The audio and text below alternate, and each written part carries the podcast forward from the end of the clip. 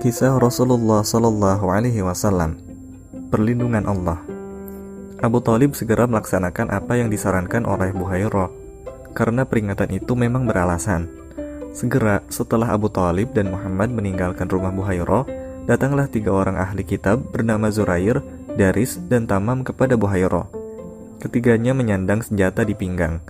Mereka bertanya kepada Buhairah, apakah ia juga melihat seorang anak dengan ciri-ciri seperti ini dan itu. Buhairo tahu bahwa mereka mencari Muhammad. Rupanya, ketiga orang ini juga telah mendengar tentang Muhammad. Buhairo memandang senjata-senjata yang mereka bawa dengan perasaan ngeri. Buhairo tahu mereka mencari Muhammad dengan maksud membunuhnya. Oleh karena itu, Buhairo berusaha memberikan perlindungan kepada Muhammad.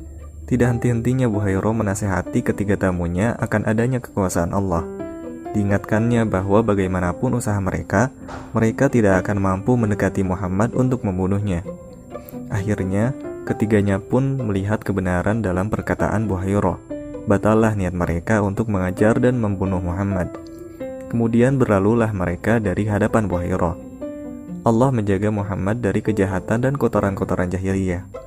Allah membimbing Muhammad tumbuh menjadi orang yang paling kesatria, paling baik akhlaknya, paling baik pergaulannya, paling agung sikap santunnya, paling murni kejujurannya, paling jauh dari keburukan dan akhlak yang mengotori kaum lelaki, sehingga semua orang menjulukinya Al-Amin, karena Allah mengumpulkan sifat-sifat itu pada diri Muhammad.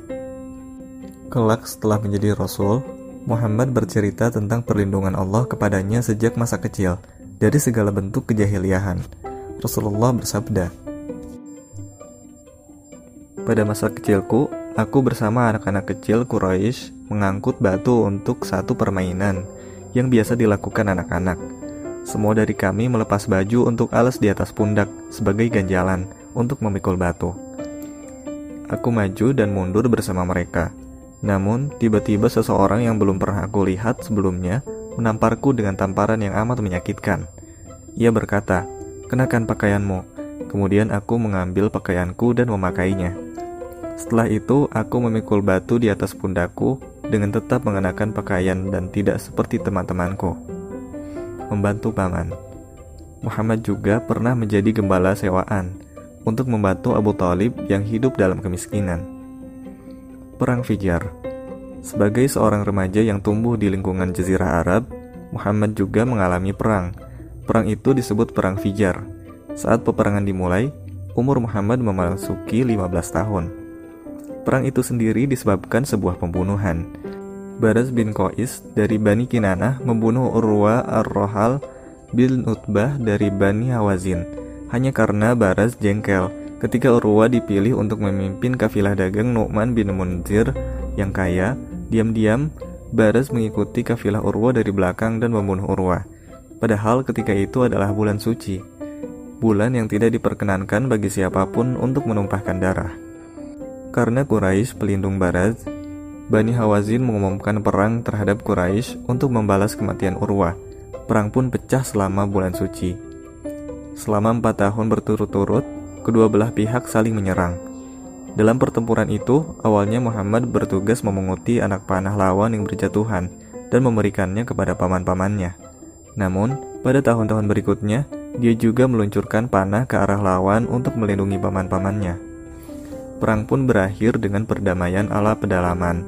Pihak yang menderita lebih sedikit korban manusianya harus membayar ganti rugi kepada pihak lainnya, sejumlah selisih kelebihan korban.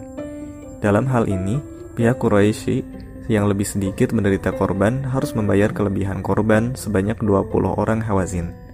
Barz bin Qais Barz bin Qais, si pejabat perang Fijar, adalah seorang pemabuk karena merusak citra sukunya, dia diusir dan mendapat naungan suku lain. Namun di sana, dia juga mabuk berat dan membuat onar kemudian diusir lagi. Akhirnya, Harb bin Muawiyah, ayah Abu Sofyan, menampungnya walaupun hampir saja Baris bin Qais diusir lagi karena terus berbuat onar. Dikarenakan perlindungan Harb dari Quraisy inilah, Bani Hawazin menyerang Quraisy ketika Baris bin Qais membunuh Urwa bin Utbah. Bersambung